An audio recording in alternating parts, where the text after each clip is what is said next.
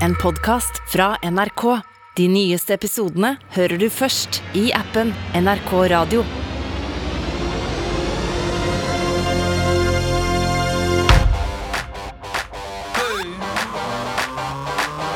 Popkorn over politikk med Sean Henrik Matheson og Gjermund Stenberg Eriksen.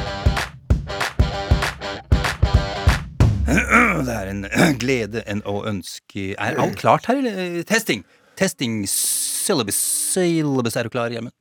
Ja, ja. ja. Ja. Eh, Vi har jo eh, Det blir jo noe nytt, dette her, ikke sant? Altså, det blir jo ikke det samme, samme greia. Oh, da, men i alle dager, da! Klart det blir ikke det. Verden blir ikke det samme.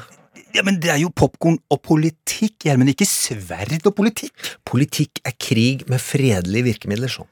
Men én ting er sikkert. Det er jævlig mange vonde virkemidler som er lov i fredstid, syns jeg, og gode. Ok, men du, eh, når du først eh, drar fram eh, Berik Dondarions Flaming Sword, kan vi ha hester også? Sånn, vi må ha hester. Ja. Og hvordan skal vi komme oss rundt? Ja, denne podkasten skal jo ikke nemlig bare handle om, om politikk. Den skal handle om eh, TV-serier. eh, Og filmer også. Det er jo et helt eh, rått opplegg. Hvem er det der? Det er en liten fyr. Hører her nå. Hva? Unnskyld? I am Tyrion, son of Tywin of Clan Lannister. How would you like to die, Tyrion, son of Tywin? In my own bed, at the age of 80, with a belly full of wine and a girl's mouth around my cock. Litt vulgært, men allikevel. Vi er i det stemninga. Ok, nå går det slag i slag. Ja. Slag i slag? Hva i verden mener du? Det er det nye sånn. Det er ikke ett slag. Det er ikke ett land. Det er flere slag. Og vi skal reise over hele kontinentet! Cue music!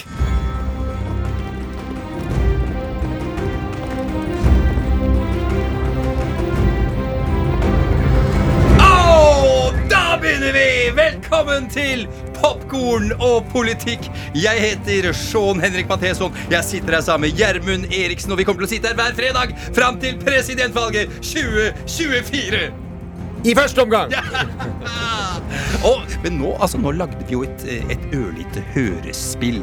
Eh, Vi dramatiserte det vi skal holde på med, faktisk. Eh, Spiser vår egen medisin. Ja, men et lytter, lyttereksempel på, på, på hvordan vi jobber. Og, og for deg som ikke har hørt podkasten Trump mot verden, så var det den forrige podkasten vi lagde sammen, eh, Gjermund. Så skal jeg forklare det på en, på en ordentlig måte her. Dette her er en podkast om politikk og TV-serier. Og til inntil da, ja, ca. et halvt år siden så, så lagde vi da denne podkasten Trump mot verden, som skulle vise seg å bli Nordens største podkast om amerikansk politikk.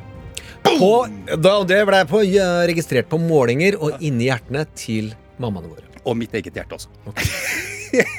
men, og det er jo ikke dårlig. Eh, men nå skal vi altså hoppe etter oss eh, selv. Eh, men jeg kjenner at eh, formen er på plass.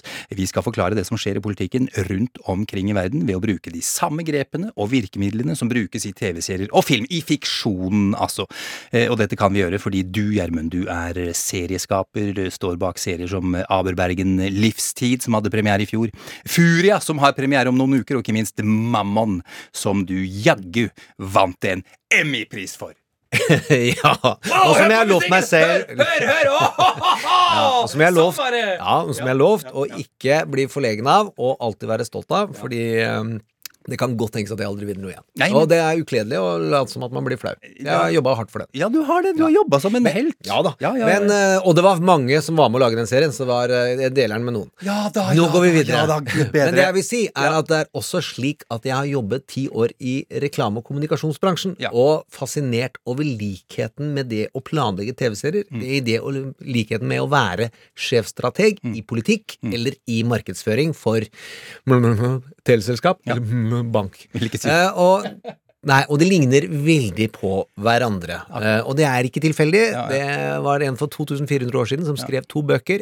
Poetikken og retorikken, Mm. og begge deler handler om påvirke folks tanker og følelser og handling. Hører at Ja, du er uansett, Hører at du er på dette har jeg, fått, jeg har fått kjeft av eh, Kona har ringt og kjefta før! Hva? Jo. Det er dårlig gjort. Jeg har overtenning, og jeg må roe meg ned. Jeg må ikke tro at jeg skal forklare alt på en gang Ja, ja. hele tiden, og må ikke snakke så fort. Ok, greit. Ja, Jeg skal Så prøve å roe vi ned tar det litt. rolig. Ja, Altså, rolig, man blir rolig, kjent rolig, med oss. Dette rolig. er sendinga. Dere Ja, blir ja. kjent. Eh, Vi starter jo alltid med en film eller en TV-serie som beskriver eh, tema for podkasten, og i dag starta vi med Game of Thrones. Hvorfor den serien i dag, Gjermund? 400 grunner, eh, blant annet fordi den er blant de seriene som mange mener er eh, noe av det flotteste og største som er lagd, og så er den debattert hvordan den sluttet. Men den har jo også ekstremt mye politikk i seg. Den handler i tittelen om kampen om tronen inni familier, mellom venner, men inn i byer, inn i kulturer, inn i land og på tvers av land. Og det er sju kongeriker som slåss om én kongetrone, og det er på det ene kontinentet, og det andre kontinentet blander seg inn i. Så det er enorme mengder med informasjon og allianser og karakterer man skal innom. Og det viktigste verktøyet, byggesteinen man har for å planlegge dette, for det er utrolig mange viktige byggesteiner når man gjør noe så stort og flott som å lage Game of Thrones, er storylines, narrativer. Et ord som blir brukt hist og her i politikken, men som er ekstremt viktig i fortellerkunsten også. Eh, og det er hvordan vi organiserer publikums oppmerksomhet, tanker og følelser, og at det er mulig å holde en serie over sju år over to kontinenter, sju kongeriker, 440 ulike karakterer, og veldig mange av dem er kule. Ja, ja. Da bruker man det å hekte folk på storylines, eller narrativer. Og det gjør man i politikken nå, bare så vi tar det med en gang. Mm. Hvis du er sjefstrateg, så ønsker du at din politiker skal få i gang et narrativ som preger mediet og folkets oppmerksomhet over så lang tid som mulig, og hvor du ligger og definerer neste handling og neste handling. Og det gjør du som serieskaper. Så når du eksempel skal ta og lage en av verdenshistoriens flotteste karakterer Og vi har jo allerede møtt Tyrion ved hestene, hvis du husker sånn. Ja, det var skummelt og vulgært, ikke minst. Ikke minst. En kortvokst sjefstrateg på mange måter. Inni fortellingen så er det en kortvokst mann som er uh, inni en familie som hater han. Eh, og det er mange sider som skal komme fram, og du skal være hekta på han. Han reiser mellom alle disse landene. Han er over på begge kontinentene, og han har en enorm reise, og det er hans storyline vi følger. Vi kan jo se hvordan han presenterer seg selv i møte med en av de andre store uh, i karakteren, som ikke er i nærheten av så interessant som han kortvokste, John Snow. Why'd you read so much? Look at me and tell me what you see. This is this a trick? What you see is a dwarf. If I had been born a peasant, they might have left me out in the woods to die. Alas, I was born a Lannister of Casterly Rock. Things are expected of me. My father was the hand of the king for 20 years. I must do my part for the honor of my house, wouldn't you agree? But how? Well, my brother has his sword, and I have my mind, and a mind needs books like a sword needs a whetstone. That's why I read so much Jon Snow. Han leser bøker, men kan ikke du legge bort det der sverdet ditt? Hva het igjen? Oh, Berik Dondrians Flaming Sword. Ja, og det var fordi at vi kunne ikke bruke navnet som vi kan fra eh, Game of Thrones, Oathkeepers, for det er nynazister i USA. Helt riktig, helt riktig. Bra at du sier det. Men tilbake til storylines. Narrativer er verktøy vi bruker å planlegge, og vi tenkte det kan være lurt, slik Game of Thrones rydder opp for seere og publikum og tar deg med over masse kontinenter, at vi skal gå gjennom litt narrativer som vi tror kan bli interessante i høsten som kommer, og årene som går, fram til Vi sa jo at uh, vi lever til 2024. Ja, ja. Jeg syns det er litt passivt å spår til vi blir båret ut Ja, i 2088. I 2088. Jeg er helt, helt eh, enig med deg.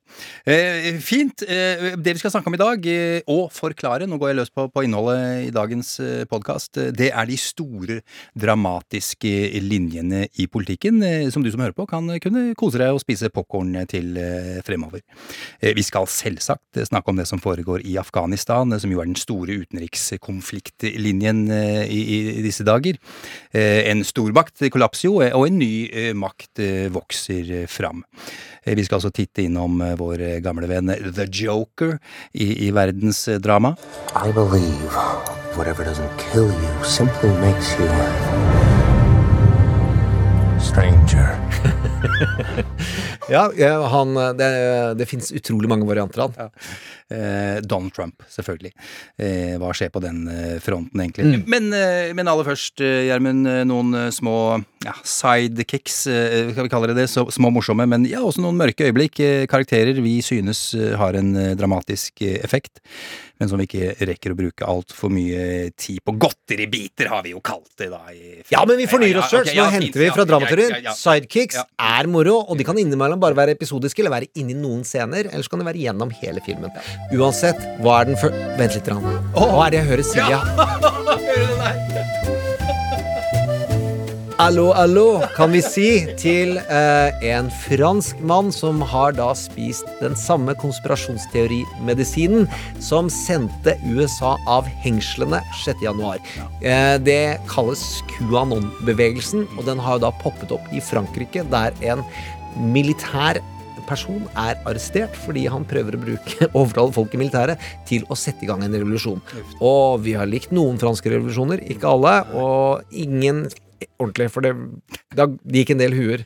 Men. QAnon-bevegelsen eh, er en utrolig vond og mørk konspirasjonsteori som eh, Du kan jo ta den sånn. Ja, ja, bare friske opp litt. Det er jo da en ytterliggående høyreekstrem konspirasjonsgruppe, for å kalle det det. Altså, det begynte på nett, selvfølgelig. Det som da skulle være en anonym tidligere amerikansk sikkerhetsoffiser, blant annet. Det er mange såkalte insidere hos myndighetene da, som skal være kilden til alt det de sier. De hevder at det er Det er hesteurin! Det er viktig å vite. At ingen av tingene det vi nå presenterer, er sant, men dette er det de tror på. De hevder i hvert fall at det er en deep state i USA, altså at det er andre enn styresmaktene som trekker i, i trådene. Dette skal være en satanistisk gruppe med pedofile folk eh, som da konspirerte mot den sittende presidenten eh, Donald Trump. Hillary Clinton, for eksempel, pedofil.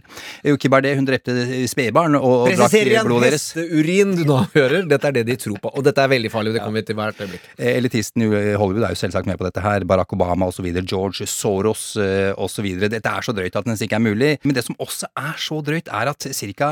Ja, én av fem eh, amerikanere tror på deler, eh, kanskje ikke alt, men på deler av denne konspirasjonen her. Og i overkant av halvparten av alle som stemmer republikansk, tror at det er noe i dette her. Og flere av de ble valgt inn i Kongressen ved siste valg. Eh, ikke et flertall, men altså flere representanter eh, bekjenner seg til QAnon. Ikke nødvendigvis at de tror på det, men de bruker muligheten og sier at de gjør det.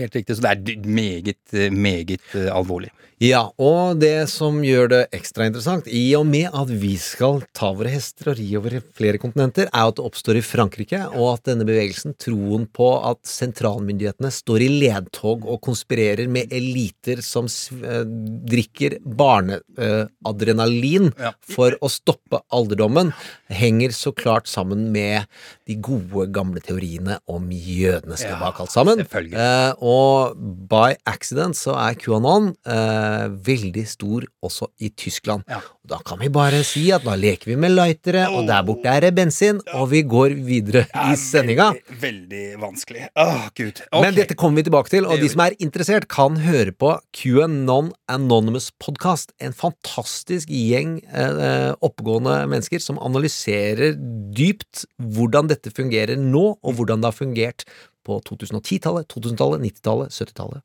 50-tallet, 40-tallet. 17, 16, 18 Det er fantastisk, Fantastisk, podkast. Man blir borte. Det gjør man. Da skal vi over til Fox News og, og selveste Tucker Carlson. Og er det ikke Astrid Lindgren som skrev kjenningsmelodien hans, tror jeg? Nei, når du sier det Carlsson, Carlsson, verdens beste Carlsson. Carlsson, Carlsson, hoi, her kommer Karlsson. Jeg bare sier til deg som hører på nå, du kommer til å ha den i huet i mange dager nå. Bare vær eh, obs eh, på det. Men altså, Tucker Carlson han er jo eh, Fox News sin fremste meningsbærer. Nasjonalistisk til fingerspissene, misliker alle som ikke er hvite. Går ikke av veien for å forfekte konspirasjonsteorier i programmet sitt, som eksempel at Trump vant valget, da, klassikeren. Han har vært på besøk i det europeiske paradis, slik han ser det i hvert fall, Ungarn. Ja, det er jo et land som de siste årene har demontert sitt eget demokrati gjennom Viktor Orban, statsminister, EUs første diktator, er det noen som hevder at han er, eller kommer til å bli. Eh, spesielt etter at han innførte unntakstilstand i forbindelse med covid-19. Nå kan han i prinsippet gjøre akkurat hva han vil. Han har skrevet om Grunnloven, fått sine menn inn i dommerstanden og justisvesenet, menn og ikke kvinner selvfølgelig. Ungarn liker ikke kvinner, antifeminisme, antiabortlover, antihomolover, kritiske medier blir nedlagt, alt mulig. Dette er paradis for Tucker Carlson. Det er enda verre enn det. Han har hatt en kjempenasjonalistisk dreining som vi kommer tilbake til i programmet vårt, for han er en veldig interessant karakter. Når han drar til Ungarn, så gjør han det for å reklamere for Ungarns styresett inn mot de amerikanske seerne i det mest populære TV-programmet på høyresiden i USA. La oss høre hva, hva Tucker Carlson, eh, en tale han holdt eh, i et nasjonalistisk eh, møte eh, i Ungarn. Hør på dette her. This landlocked Central European country of 10 million that has free and fair elections, which has a much healthier media balance. So there's a lot I don't know about Hungary, but I know a robust political system when I see one. No one in Hungary on the other side has to hire armed bodyguards. Lots of people in the United States do, I can tell you. You are living under physical threat if you disagree in a loud way. You are immediately censored if you're dependent upon social media to get your message out. I think America is the greatest country in the world. I will always think that, but don't tell me it's freer than Hungary, because that's a lie. Greit. Dette kommer vi tilbake til. Eh, Det er så mørkt som det får blitt. Men dette er en av grunnene til at vi skal snakke om tendenser på utsiden av USA også. Det her er en av de største truslene mot verdensfreden. Uansett. Vi må eh, røkte litt på venstresiden også. Hvor, eh, hvor mange tror at vi lyttere, men det venstresiden i USA er tross alt langt inn i eh, det som er mørkeblått i Norge. Ja, ja. Andrew Cuomo er guvernør i New York. Eh, bare noen er dager til. ja, ja. Men han snakket vi mye om tidligere, fordi han var ekstremt god i å gi folk trygghet og ro i når pandemien traff staten, Mm. og han var eh, delstaten New York, og han var mye flinkere enn ordføreren, de Blasio, Mm. i å formidle hvordan folk skulle tenke, føle og agere. Mm. Og han vant i tillegg Emmy for hvordan han brukte PowerPoint. Jo da, og man snakka med ham som en presidentkandidat, og, og han ble, ga Trump mye juling, Mm. og alle snakka godt om ham, og så viser det seg nå at han er en fullstendig eh, manipulator. Gris. Ja, en gris og en tafser, og, og eh, ikke bra. Så er det veldig flott at demokratene det gikk utrolig kort tid, så sa Biden han må gå. Så sa alle eh, representantene i Kongressen fra New York Mm. han må gå. Og så sa ganske raskt eh, de andre at han måtte gå. Jeg syns det, det var ikke så raskt, syns jeg, for å si- være dønn ærlig med deg. Jeg syns det, det tok for lang tid. Ja. La oss si at eh, Giske to, eh, måtte ta 18 Nei, måneders tenkepause før han gikk av. Men ha, han måtte bruke 18 måneder, eh, fordi det er litt vanskeligere å gi folk direkte fyken i norsk Ja. Mm. politikk enn det er i USA. Eh, uansett, hør hva Komo sa når han da endelig tok til orde, tydeligvis etter å snakke med døtrene sine. Jeg liker disse døtrene her, kanskje. In my mind, I've never crossed the line with anyone. But I didn't realize the extent to which the line has been redrawn. Ja. Det jeg syns er viktig å si én ting til om denne avgangen, det er at idet han går av, da kommer store deler av New York-pressen, som vil si den oppegående amerikanske pressen, sier «Ah, de har ikke visst om tafsinga og sexual harassment som han har drevet med, men de sier at han har vært en notorisk manipulerende asshole. Eh, og det syns jeg er rart. Ja. At det, det er først når han er hele over, at det kommer fram at dette har de kjent til i hans stab ganske lenge. Altså. Ja, Det er veldig rart. Det er nesten ikke til å forstå, må jeg si. Men ok, nå er vi snart i mål, holdt jeg på å si. Han har eh, bare noen dager igjen, husker ikke. Det er ikke lang tid. Nå er det over. Ja, det er over, eh, heldigvis. Gjermund, eh, ja, apropos, ja, som du sier, eh, Cuomo-dynastiet er, er over. Andre ting som jo er helt over, det er eh, en Game of Thrones, en serie som du var veldig glad i. Er du fortsatt lei deg, lurer jeg på? Alltid. Det er jo. De skaper enorme hull og behov inni meg, alle disse seriene som da har sluttet. Mm. Uh, og jeg savner de veldig. Men denne høsten kommer Succession sesong tre! Ah. Og det er nest, Det blir etter hvert nesten like bra som Game of Thrones. Vi er bare på sesong tre, så dette tar jo tid å vokse. Mm. Men det er familiedrama inni et mediekonsern som bygger på Rupert Murdochs familie, som eier Fox News. Det er hårreisende bredt anlagt drama med jækla kule karakterer. Ja, det- Og eh, det, der de slår Game of Thrones Dette er viktig å ta, ta inn, folken. Kjenn på følelsene. Len dere inn i øretelefonene. Mm. For her kommer vignettlåta. Så skal vi inn i et annet landskap.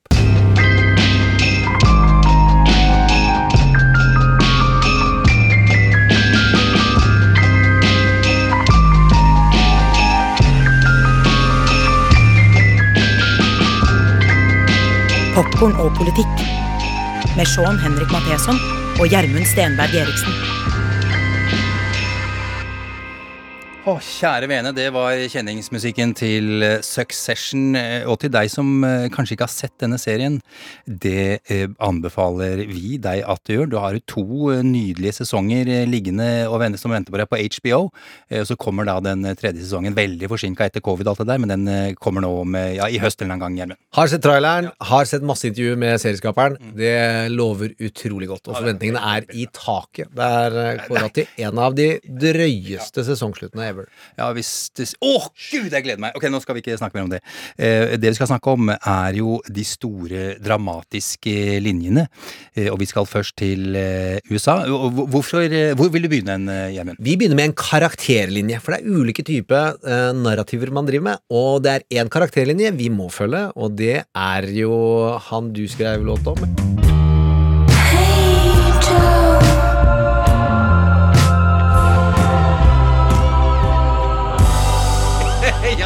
har jeg skrevet. Joseph Robinette Biden jr. Det er jo da Joe Bidens eh, fulle navn. eh, Ble jo først eh, kjent for den vide verden som visepresident under Barack Obama. Nå er han USAs 46. president. Rakk å bli 78 år før han ble innsatt, eh, med det landets eldste president eh, noensinne. Alle gode ting er tre for Biden. Han stilte jo som presidentkandidat også i 1998, eh, unnskyld, 1988 og 2008. Eh, Kom inn i Senatet allerede i 1973. Neste år eh, feirer han vel basic. Han ble valgt i 72, kom inn i 73, feire 50-årsjubileum altså til neste år som eh, politiker, eh, høytstående politiker. Eh, Ble da værende i Senatet fram til 2009, da Barack Obama slo på tråden. Obama blir USAs eh, 47. visepresident. Da han var ferdig som det, så, så har han forelest, eller foreleste ved universitetet i, i Pennsylvania blant annet, eh, skrev bøker og alt mulig, holdt seg i, i det offentliges eh, lys, eh, hadde jeg nær sagt, eh, før da han i april 2019 kasta seg på som eh, presidentkandidat. Han følte en plikt til å stille opp, eh, som han sa. Resten er jo historie. Det var en lynrask oppsummering av, Joe Biden der. eh. Hvordan står det til med ham, eh, vil du si, Gjermund? Eh, jeg vil si det er gått over all forventning, og det er en nøktern vurdering. Eh, for de som orker å ha hørt på oss tidligere, så eh, var ikke dette vår favorittkandidat. Syns ikke folk skal være så gamle. Men det er klart, han var ikke senil. Det var ganske mange som trodde også på venstresiden, og i hovedstadspressene rundt omkring i verden, at han var redusert. Det har han jo nå bevist. Han har stått mange nok ganger, både forberedt og uforberedt, eh, til at han som person fungerer ganske bra. Så vil jeg si at administrasjonen hans, han har Ron Klein som hans sjefstrateg eh, og hovedleder av kontoret. Han var en av de mest erfarne. En av hovedkildene til VIP. Altså, altså Han er, er styret av kontoret til visepresidenten og har sittet og forklart de som lager VIP, hvordan dette fungerer, og nå er han sjef i Det hvite hus. VIP er en kom komiserie som er fantastisk morsom. Det handler om visepresident. Så det styres ganske kompetent, eh, og det har ikke vært så mange store skandaler. Vi kommer til de store skandalene, eller det som er store problemer hvert øyeblikk. Og han har fått til det vi snakket om at han ville prøve på, sånn cirka i fjor sommer, eh, nemlig infrastrukturpakke, som er eh, på en størrelse sånn 1,2 trillioner dollar. eh, Ja. ja. Og det er etter at han har fått til en covid-hjelpepakke, som er den største i amerikansk historien. Og det betyr at han får satt penger ut i amerikansk virkelighet i en størrelsesorden ingen har gjort siden New Deal. Det kan gå bra, og det kan gå dårlig, men det er ikke helt beslutta ennå. Det virker som den infrastrukturpakken kommer til å gå greit.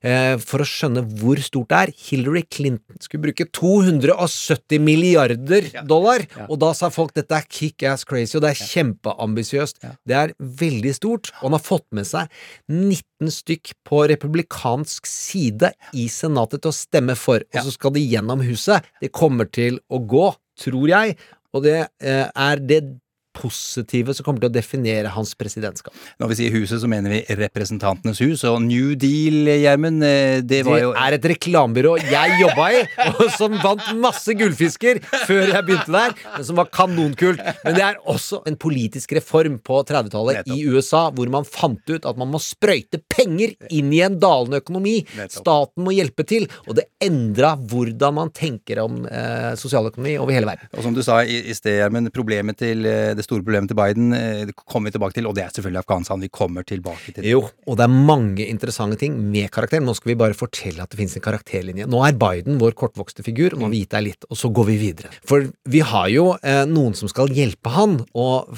få alle til å føle at disse pengene var veldig bra. Ja, ja, og det er jo vår venn Pete Buttigieg, som er eh, transportminister i USA. Jeg, jeg sier vår venn fordi han snakker jo norsk. Det er så stas med alle som snakker norsk, Helt som er utlendinger. Ja. elsker det! Ja. Elsker det. Men Vet ikke om det var du eller Silje, men det, dere ringte George Michael fordi du ville at vi skulle lære oss å si ordet riktig. Ja. I, want a Det er nemlig et veldig vanskelig navn. Men han er en av de største kommunikatorene planeten har sett, så vi får se. Han kommer vi også tilbake til. Han er, en, eh, han er en eh, fyr vi har veldig troa på for fremtiden også, bare for å si det. Pete Buttigieg, eh, altså. Den neste linjen vi skal til, Gjermund, ja, det er mørkt. Det er mørk linje. Det er meningen, og dette er jo da det nye ved vår pod, eh, og det er at man kan ha karakterlinjer hvor man følger hendelsene på karakteren. Nå presenterte vi Joe Biden. Så har vi det at vi har tematiske storylines også. Og en av de største og viktigste tematiske storylinene som vi mener at man bør følge, er jo framveksten av det autoritære i Europa, i Asia, i Sør-Amerika, i sikkert deler av Afrika, det har vi ikke tenkt på ennå, men det er ikke bare i USA og under Donald Trump, under trumpismen dette har skjedd. Det har skjedd før, og dette, du må jo ta, ta litt hva, er, hva det autoritære vil si. Altså, Jeg har jo da slått opp i i Store norske leksikon.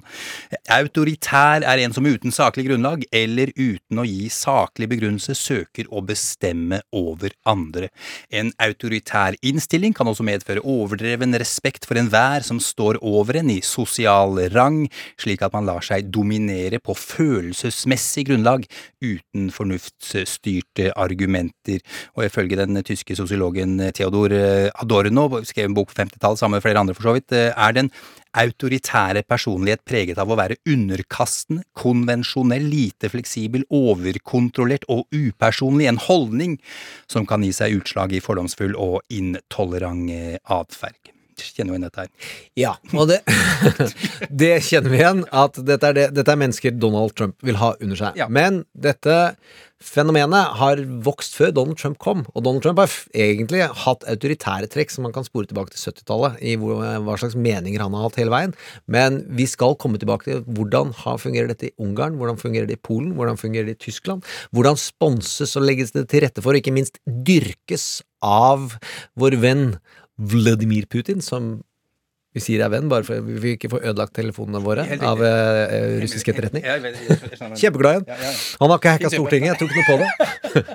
Uansett, det autoritære uh, er jo uh, noe som også henger sammen med polarisering, Mm. mobilisering av hvordan man skal dra folk fra hverandre, spille på frykt, generere hat, skape vold, rive demokratiet ned. Mm. Det er noe av det mørkeste og skumleste jeg vet. Ja, det- Eh, og det, vi skal få utrolig flotte, flinke gjester med ulike perspektiver på de ulike landene. Hva som skjer, hvorfor skjedde det. Mm. Og så har vi den boka som du og jeg er stor tilhenger av, eh, Sean.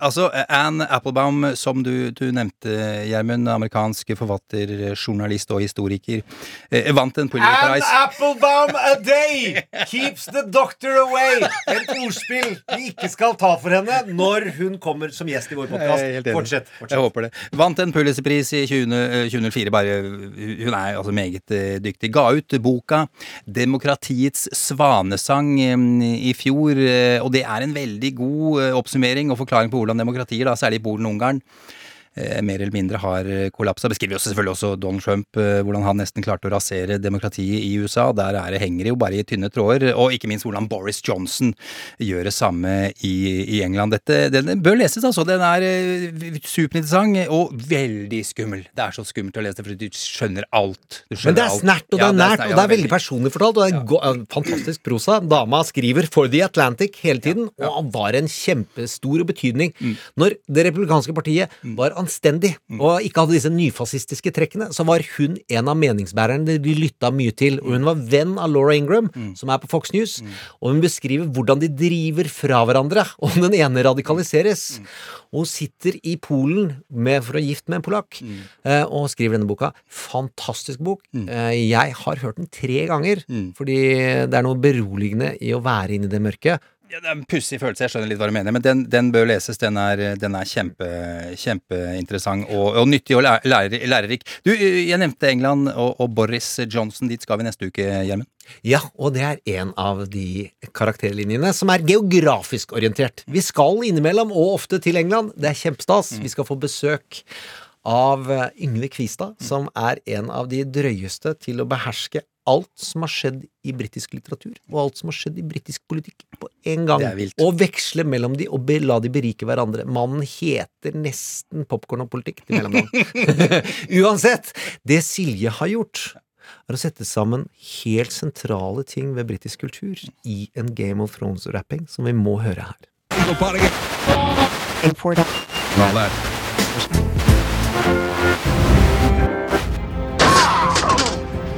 You're indeed brave tonight, but the fight is mine. Oh, had enough, eh? Look, you stupid bastard, you've got no arms left. Yes, I have.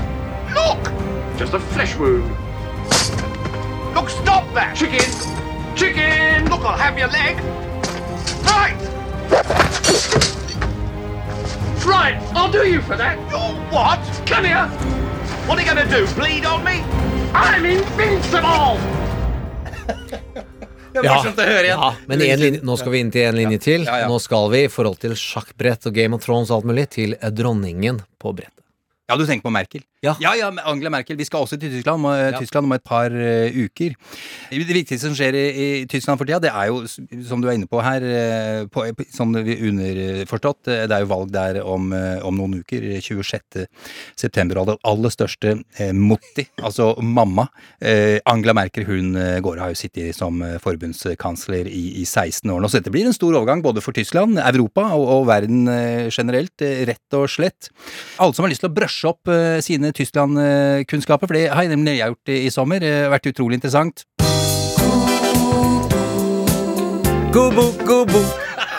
Der kom den igjen! Jo, eh, det viser seg at jeg kunne svært eh, lite om Tyskland. Eh, Nesten pinlig, må jeg si. Men jeg leste Sten Inge Jørgensens bok eh, 'Tyskland eh, stiger frem', og den anbefaler jeg på det aller varmeste til alle som har lyst til å få litt mer oversikt.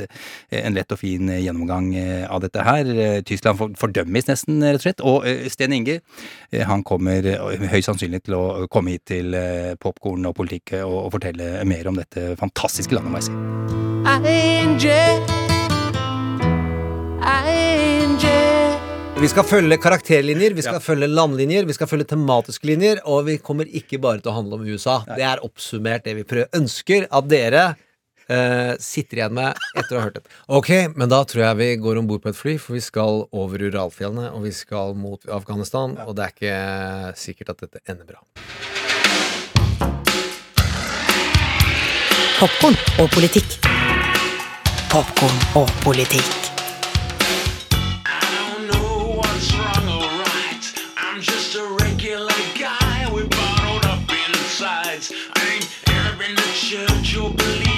Jesus Christ, but I'm praying that God's with you when you die.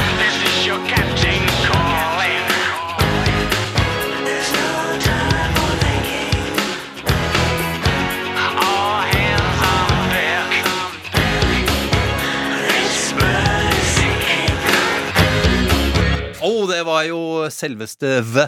v der, uh, Sweet Bird of Truth. eh, Et navn som ikke aldri tok helt av, og det ligger litt i det med at noen ord skal du ligge unna. Noen navn er et nachspiel i det. The The Ja, vanskelig, men det er feinschmeckerne setter veldig pris på the. the. Da skal vi altså egentlig til et uh, lite stykke, ja, eh, Game of Thrones, eh, nemlig Afghanistan. Uh, masse kamper om tronen der. Eh, Den 11.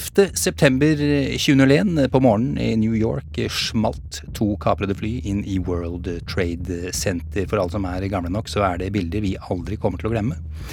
Det var terrororganisasjonen Al Qaida som sto bak angrepet, og Al Qaida ble dannet av eh, Osama bin Laden seint på 80-tallet, en saudi-arabier.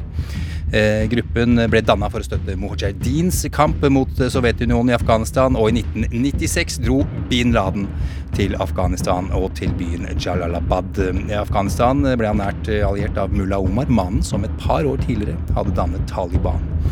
Eh, hans følgere var stort sett religiøse studenter, og med støtte fra Pakistan og Saudi-Arabia inntok de okkuperte Kabul og dannet det islamske emiratet Afghanistan. Og selvfølgelig innførte fundamentalistisk islamsk lov, eh, og landet ble da en grobunn for terrorister. Vi spoler fram til september igjen. På en haug av knust betong, stål og glass står president George W. Bush, holder eh, tale gjennom en megafon. Eh, Redningsmannskapene hørte ikke hva han sa. We can't hear you, ropte de. I can hear you. I can hear you. The rest of the world hears you. And the people who knock these buildings down will hear all of us soon. 7. oktober eh, samme år invaderte USA og fyller en lang og blodig og grusom historie, helt skamløst eh, kort. Eh, Krigen varte i 20 år, eh, helt til eh, Donald Trump inngikk en fredsavtale med Taliban tidlig i fjor, tidlig i 2020, og lovte å trekke ut alle styrker innen 2021. Eh, Og denne fredsavtalen arvet jo Joe Biden, og han valgte seg jo ikke en annen dato enn den symbolske datoen 11. september. Dramatiske, da. Ah, dramatiske for at styrkene skulle være ute i år, altså 11. september i år. Men som alle vet, dette skjedde jo før, og til alles tilsynelatende store overraskelser. Eh, De afghanske regjeringsstyrkene sto ikke imot da Taliban eh, på nytt eh, tok grep. Afghanistan er igjen styrt av Taliban. Gjermund, en hel verden er i, ja, i sjokk over det som har foregått den siste uka. Og spørsmålet er jo hvordan kunne ikke folk vite at dette skulle skje? Nei, det syns jo jeg er litt rart, og det er flere andre som syns det er litt rart, for dette har jo skjedd før. Altså, USA har tapt, om du, om du kalles å tape og trekke seg ut fra en krig hvor du har statt, eh, tatt noen eh, posisjoner og holdt de av ulike grunner. Men i hvert fall, de trekker seg ut. De har aldri gjort det med ære. Det har aldri gått bra. Vietnam er jo nevnt. Måten de kom seg ut av uh, Iran var kosta jo et presidentskap. Og der er det jo denne, mange meninger denne uka her. Jeg syns uh, Lawrence O'Donnell, som har en pod slash TV-show som er vært en notorisk det høres så skummelt ut. eh, mot krig. Han har vist til boka The Best and the Brightest, som skrev mye om hvordan Vietnamkrigen var et eh, teppefall for det amerikanske militæret og den amerikanske etterretningen. Altså, de løy for det amerikanske folk. Og hvordan Washington Papers fortalte om at eh, forsvarsministre og forsvarsledelse og etterretningsledelse visste at de hadde dårlig kort i Vietnam, men allikevel solgte det og solgte det og solgte det. Det å tro at forsvaret til USA ikke har som jobb å si at det går bra og at de har kontroll til befolkningen, det syns jeg er rart. Selv om jeg er ikke en krigs- og utenriksekspert. Og så er det det at det å tro at Joe Biden som sittende president, når han skal trekke seg ut, sier at dette kommer til å bli et kaos, folkens, det kan jeg love dere, det er ikke jobben til presidentskapet. Det er å få det til så bra som mulig. Eh, og der eh, er det slik at Joe Biden har sett USA trekke seg ut i alle disse krigene. Han har disse 50 årene i Washington, eh, og så blir han presentert som frekk. Fordi han sier 'visste du at det kom til å bli kaos'? Og så blir det veldig irriterende. Og visste du? Visste du at det blir kaos? Ja, men hva i all verden skal han si om tre år, eller om fire måneder, eller om én måned? Skal han si at han ikke visste? Det skaper et kjempepolitisk problem. Det at han visste at det kom til å bli kaos, så kan han bare peke på alt USA har gjort siden Siden de reddet oss under andre verdenskrig. Det er en overforenkling, så ikke send e-post, men allikevel. Ja. Dette ligner litt på det vi har sett før.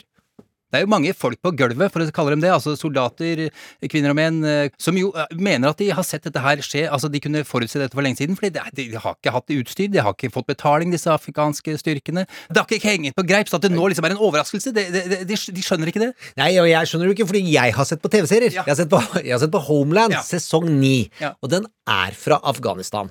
Og vi skal ikke spoile noe. Det er en bra sesong. Den er eh, bedre enn de to uh, foregående. Men uansett, den handler om Afghanistan. Den kan ta det etterlatte inntrykket.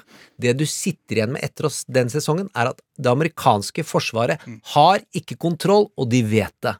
Den afghanske sentralmakten har ikke sjans til å beholde makten, og de vet det. Eh, og at eh, ønsket om en sentralstyrt Afghanistan er umulig av at det er et stamme- og klansystem, og det vil ta generasjoner å snu det, og ikke gjort på 20 år heller, tydeligvis. Det er også en kultur Jeg hørte på, på radioen eh, på NRK her tidligere i uka, nå husker jeg ikke hva han het, eh, men uansett, han sier jo, eh, en ekspert på området selvfølgelig, som sier at altså, det er en kultur i Afghanistan, at du, du legger ikke alle egga dine i en kurv. Du holder alle muligheter åpne, du sier er litt med der, og så er det litt med der, og så dekker du ryggen, og så, og så, og så det som skjer, det skjer.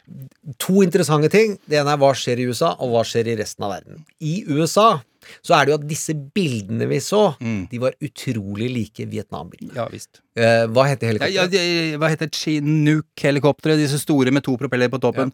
Eh, det legendariske bildet av dette som lander på ambassaden i Saigon i 1975, og så skjer jo akkurat det samme bare for noen dager siden i Afghanistan. Det må, bare det ikke skjer, så er det greit, har jo nesten folk sagt. Det kommer til å etse seg fast i en god del mennesker at det gjentar seg. Men sammenlignet med Vietnam, det døde 20 ganger flere i Vietnam eh, på kortere tid. Og eh, et annet veldig stort politisk problem knytta til Vietnam, at det var en kjempestor opposisjon med, med, mot krigen mens de holdt på. Det har det ikke vært i USA. Eh, det, har ikke, det er ikke så mange som har dødd. Eh, og det har gått over 20 år. Ja. Spredd tynt utover. Eh, og det har ikke vært the draft. Det vil si at hvem som helst kan få et brev eh, hvis du er en mann mellom 18 og 30 og ikke er eh, faren din etter Trump har ordna legemelding for deg, kan du bli sendt til en krig der det er god sjanse for å dø. Ja. Det skaper en opposisjon. Mm. Eh, så er det interessant å snakke om blir det et politisk problem for Biden. Der er det mye som tyder på at den utenrikspolitiske interessen hos den jevne velger ikke er all verden. Den er interessert nå, men dette kommer til å ta noen uker, og antageligvis roe seg ned. Og så er det slik at når republikanerne De har narrativt ansvar, de òg. De ønsker å forlenge denne smerten mot Biden og holde ha føttene hans over varmen, men de har ikke kontroll på de viktigste komiteene. Men dette er en strategi de har brukt før. Benghazi var liksom et nøkkelord for å hakke løs på Hillary Clinton over to år for å få hennes troverdighet ned. Er ikke sikkert det, for her har flere eierskap. Det er flere kokker som eier det sølet her. Det er fem stykken, og de fleste var utrolig klar for at denne krigen må slutte. Benghazi, ambassaden i Libya som ble utsatt for et terrorangrep eh, da Hillary Clinton satt som utenriksminister. Og hun fikk jo all skylda for det, som vi hørte mange ganger i, da hun skulle stille som president. Ja. Det som er Bidens store problem, er delta-viruset, og at koronahåndteringa ser ut som blir vanskeligere. Og så er det det er en del av det enda større problemet, nemlig økonomien, og man klarer å få sving på USA igjen.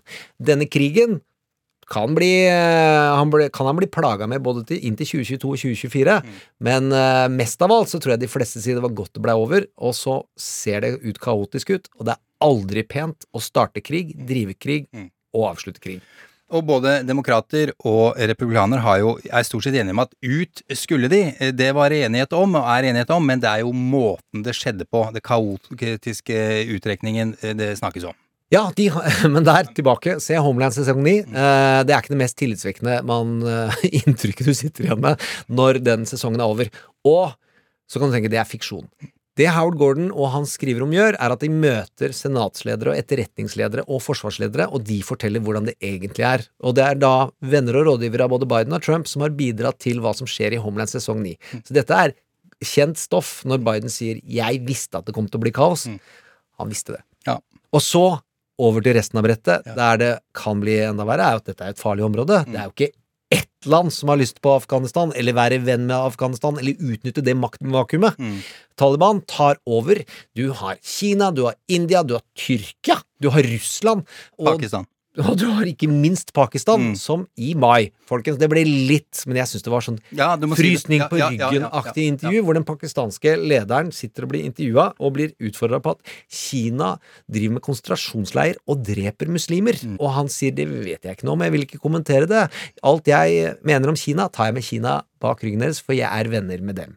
Fordi Kina hjelper Pakistan enormt økonomisk. Det Den dealen Mm. vil jo Taliban ha også. De vil inn i den gigen. Du har en vill herointrafikk som kommer fra Afghanistan. Mm. Eh, og selv om eh, Ytre høyre og Fox-balletten maser om flyktningstrømmen som kommer til å ramme USA, Mm. blir det flyktningstrømmer, så er det noen land du skal passere før du kommer til USA, blant annet Europa. Ja, eh, som du sa, Fox News er jo veldig opptatt av det, og spiller på det. Laura Ingram og selvfølgelig Tucker Carlson. Skal vi ha disse folka inn? Ja, det er ganske de- grusomt i forhold til at de jo faktisk da er allierte og hjulpet eh, USA og eh, andre allierte. Uroligheter av denne typen som påvirker folks flyktningstrømmer, har påvirket europeiske valg og europeiske partier og europeiske stemninger, så dette har mye å si for mange land der vi er, og det kommer vi tilbake til. Flyktningkrisen i 2015, og hva det, som, det førte jo til store omveltninger i Tyskland f.eks., som vi også kommer tilbake til.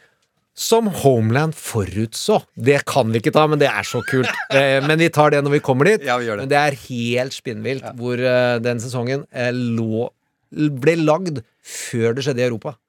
Da skal vi jo eh, fra noe som jo er ganske så skummelt i Asia, til noe som er helt vilt skummelt, faktisk. Altså det vi mener faktisk truer verdensfreden. Ja, vår, hele vår eksistens. Vi skal innom vår tidligere eh, hovedkarakter, altså fra podkasten Trump mot verden.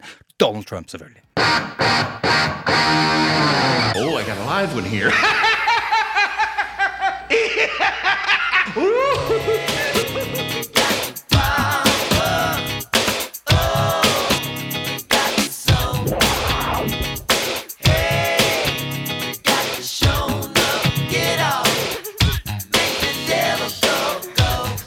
Popkorn og politikk. Jack Nicholson, eh, Prince, eh, det fikk deg til å hoppe ut av stolen og danse rundt eh, i studio, Gjermund. Og vi har jo ikke bare Silje på laget, vi har også Jon Branes, som er henta inn i Game of Thrones. Prins, ikke sant? Dere skjønner greia? Det er inni et slott. Ah, Det er gjennomtenkte folka her, altså. Helt rått. Donald Trump, USAs 45. president, fikk bare i en periode, en periode eh, så full så av kaos enn så lenge. Der kom det! Bra! Eh, Han ble klar- rakk å bli stilt for riksrett to ganger, kuliminert i et voldsomt eh, angrep på Kongressen 6. januar i år.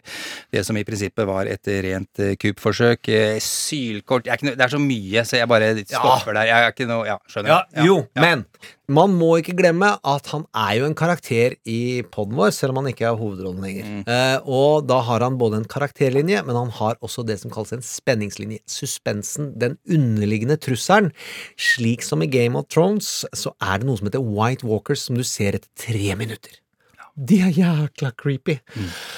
Og du ser dem eh, veldig sjelden, men de er der alltid. Og det er grunnen til at man, når man sier 'winter is coming', så fryser man på ryggen. Winter is coming. Ja, og det er det vi har her. Trump is coming. Før eller siden så kommer han til å prøve seg, og det som har skjedd mens vi har vært av lufta, er at det har blitt bevist at han prøvde å bruke Justisdepartementet til å endre valgresultatene, og han har samla inn enormt mye penger. Han hadde samla inn mye penger fram til da, men det har han fortsatt med. Så han har en stridskasse som han kan drifte sin livsførsel med. Ja, for det er mye av de penga går rett inn på konto. Ja, det er, vi kan ikke gå gjennom lovgivningen på den området, men det er faktisk lov å bruke. Dette er den enkleste pengene han har tjent noen gang, og han har ikke vært så flink som alle skal ha det til, til å tjene penger. Han har vært flink til å gå konkurs og tape penger. Nå har han tjent masse, og han har en stridskasse som gjør alle andre redde. Og han har ikke mista makten i partiet sitt. Nei, Vi var, var jo veldig opptatt av at fy fader, nå blir det spennende. Oi, oi, oi, hva skjer nå, liksom? Var gikk det ei uke. En uke gikk det, så var maktkampen over. Det er to mennesker som har sagt Donald Trump imot inni det republikanske partiet, som sitter i kongressen der. Og den ene er betydelig degradert. Kommer tilbake til det. Han har også selvsagt holdt seg i live med underholdende hat, det vil si plage fotballspillerne i kvinne-OL og sånt noe. Det at vi ikke ser den i norske medier, eller du ser den i mainstream-mediene, eller det jeg kaller faktabaserte, ålreite medier, Ja, i USA, Ja. det betyr ikke at ikke han snakker til basen sin. Nei. Han har mikrofon inn i Fox-systemet, eh, og han sprer ugg og sørge for at de er redde for ham. Ja, ja, visst alle. Men det, jeg må jo si at noe av det no, altså, om, morsomste, noe av det guffende, mest guffende er jo akkurat nå, så prøver han jo å slette.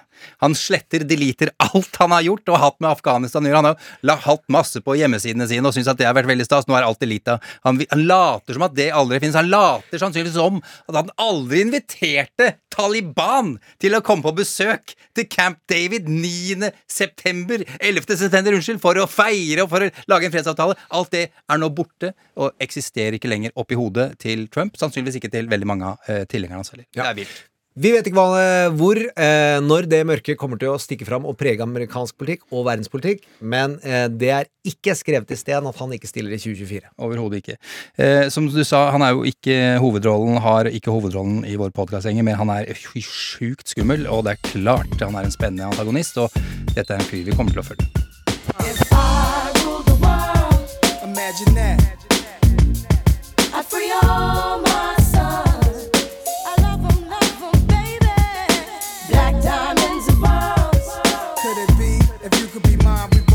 If I rule the world. Og da skal vi til eh, ukas cliffhanger, og da er det ikke filmen eh, om klatring med Sylvester Stallone som fikk meg til å få lyst til å begynne den. å klatre. jeg likte er den, du gal? Den ja, er ja. kjempetøff Ja, ja. fortsatt, men den har ikke mye med hvordan klatring egentlig fungerer. Så her er ukas cliffhanger.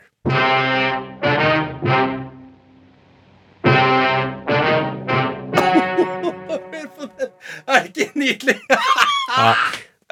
Ok. Vi kjører referanser fra Ja. alle aldersgrupper. Ja. alle aldersgrupper. Altså, jeg er 50, og så dette er jo fader meg jaggu fra Brødrene Dal. Det er helt nydelig. Ja. Før vi skal til uh, ukas uh, cliffhanger uh, Vi kommer jo selvsagt tilbake uh, om ei ukes tid. Popkorn og politikk er overhodet ingen engangspod. Det er eh, veldig mye å prate om og diskutere og lære og finne ut av, ikke minst. Ja, og så kan vi si, gå til vår Facebook-side, som er blitt omdøpt, ikke rent tilfeldig, fra Trump mot verden til popkorn og politikk.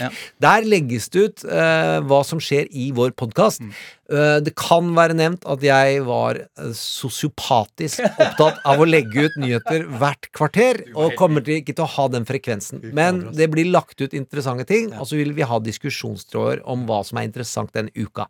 Men eh, man kan ikke poste hvert fjerde minutt, har kona mi sagt. Eh, det overrasker meg ikke at hun sa det. Hun mener jeg kan snakke med henne der hun står.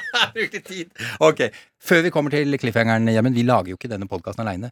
Eh, superprodusent eh, Silje Martinsen vet dere, superprodusent Jon Branes er med på laget. Må nevnes. Må nevnes! Og nå, eh, Cliffhanger skal jo få et vise, viss emosjonell inntrykk og prøve å få folk til å høre neste uke. Og da kommer jo Yngve Kvistad, og vi skal snakke om engelsk statsmannskunst eh, og kultur. Eh, og han var veldig morsom å snakke med, og det han sa med en gang, vi må snakke om den britiske komedien.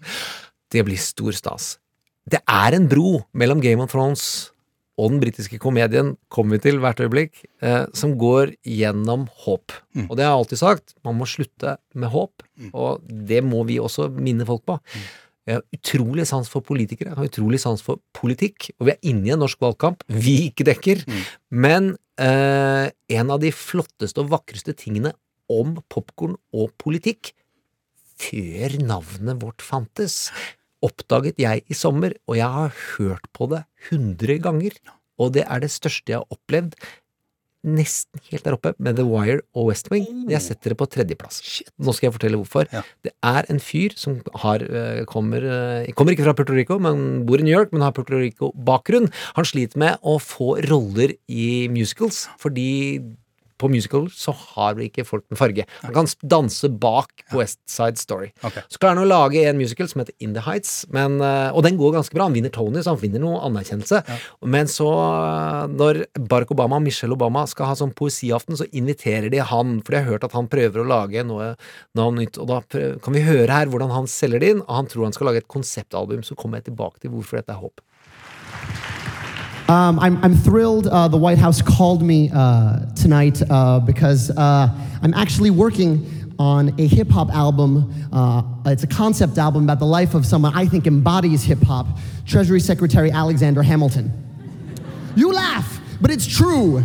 Um, he, was, uh, he was born uh, a penniless orphan uh, in St. Croix of illegitimate birth, um, became George Washington's right hand man, uh, became Treasury Secretary, caught beef with every other founding father, uh, and all on the strength of his writing. I think he embodies uh, the word's ability to make a difference. Ja, Så det er jo en forfatter som lager en musical om en forfatter. Eh, så det er klart en forfatter får helt tårer i øya og klump i halsen. Men det er også en innvandrerfortelling, og han lagde da musicalen Hamilton med kun fargede på scenen for første gang i verdenshistorien. Eh, og som er den mest anerkjente musicalen som er kommet ut av USA siden Andrew Lloyd Webber, som jeg tror ikke er amerikansk. Han er engelsk. jo, jo, men den har blitt oppført ganske mye i New Ja da, ja for å si det ja forsiktig. ja. Eh, og det han presenterer der, er jo grunnlovsfedrene og demokratiets fødsel, og han gjør det til helt fabelaktig musikk. Eh, og han feirer blant annet den første demokratiske statsmannen, George Washington, som går av frivillig. Ja. og vil at andre skal ta over. Det går den, han, liksom. Ja, og der er, nå kommer cliffhangeren. Han har én hvit karakter, og det er King George. Og han synger denne sangen som sang nummer to i musicalen, hvor han er helt uforstående til at George Washington kan gå av, og når han hører hvem som skal ta over, og at det er alle de gutta hans som krangler, og de krangla, ikke spoiler-greia, men i første sangen så du, lærer du fort at Alexander Hamilton som var finansminister, ble skutt av visepresidenten til John Adams, Burr. Eh, det kommer i åpningslåta og er en underliggende spenning i hele stykket. Her kommer sangen om hvor King George ikke skjønner. Og så håper jeg vi høres neste uke. Og tenk, demokrati, good, autoritær, bad. Vi har ikke lyst på autoritære lyttere. Nei! George Washington's yielding his power and stepping away. Is that true? I wasn't aware that was something a person could do. I'm perplexed. Are they going to keep on replacing whoever's in charge? If so, who's next? There's nobody else in their country who looms quite as large. John Adams? I know him. That can't be. That's that little guy who spoke to me all those years ago. What was it? 85. That poor man, they're going to eat him alive. Oceans rise, empires fall. Next to Washington, they all look small. Watch them run. They will tear each other into pieces. Jesus Christ, this will be fun. Da da da da da. Da da da da da da da da da da. President John Adams. Good luck. Du har hørt en podkast fra NRK. De nyeste episodene og alle radiokanalene hører du i appen NRK Radio.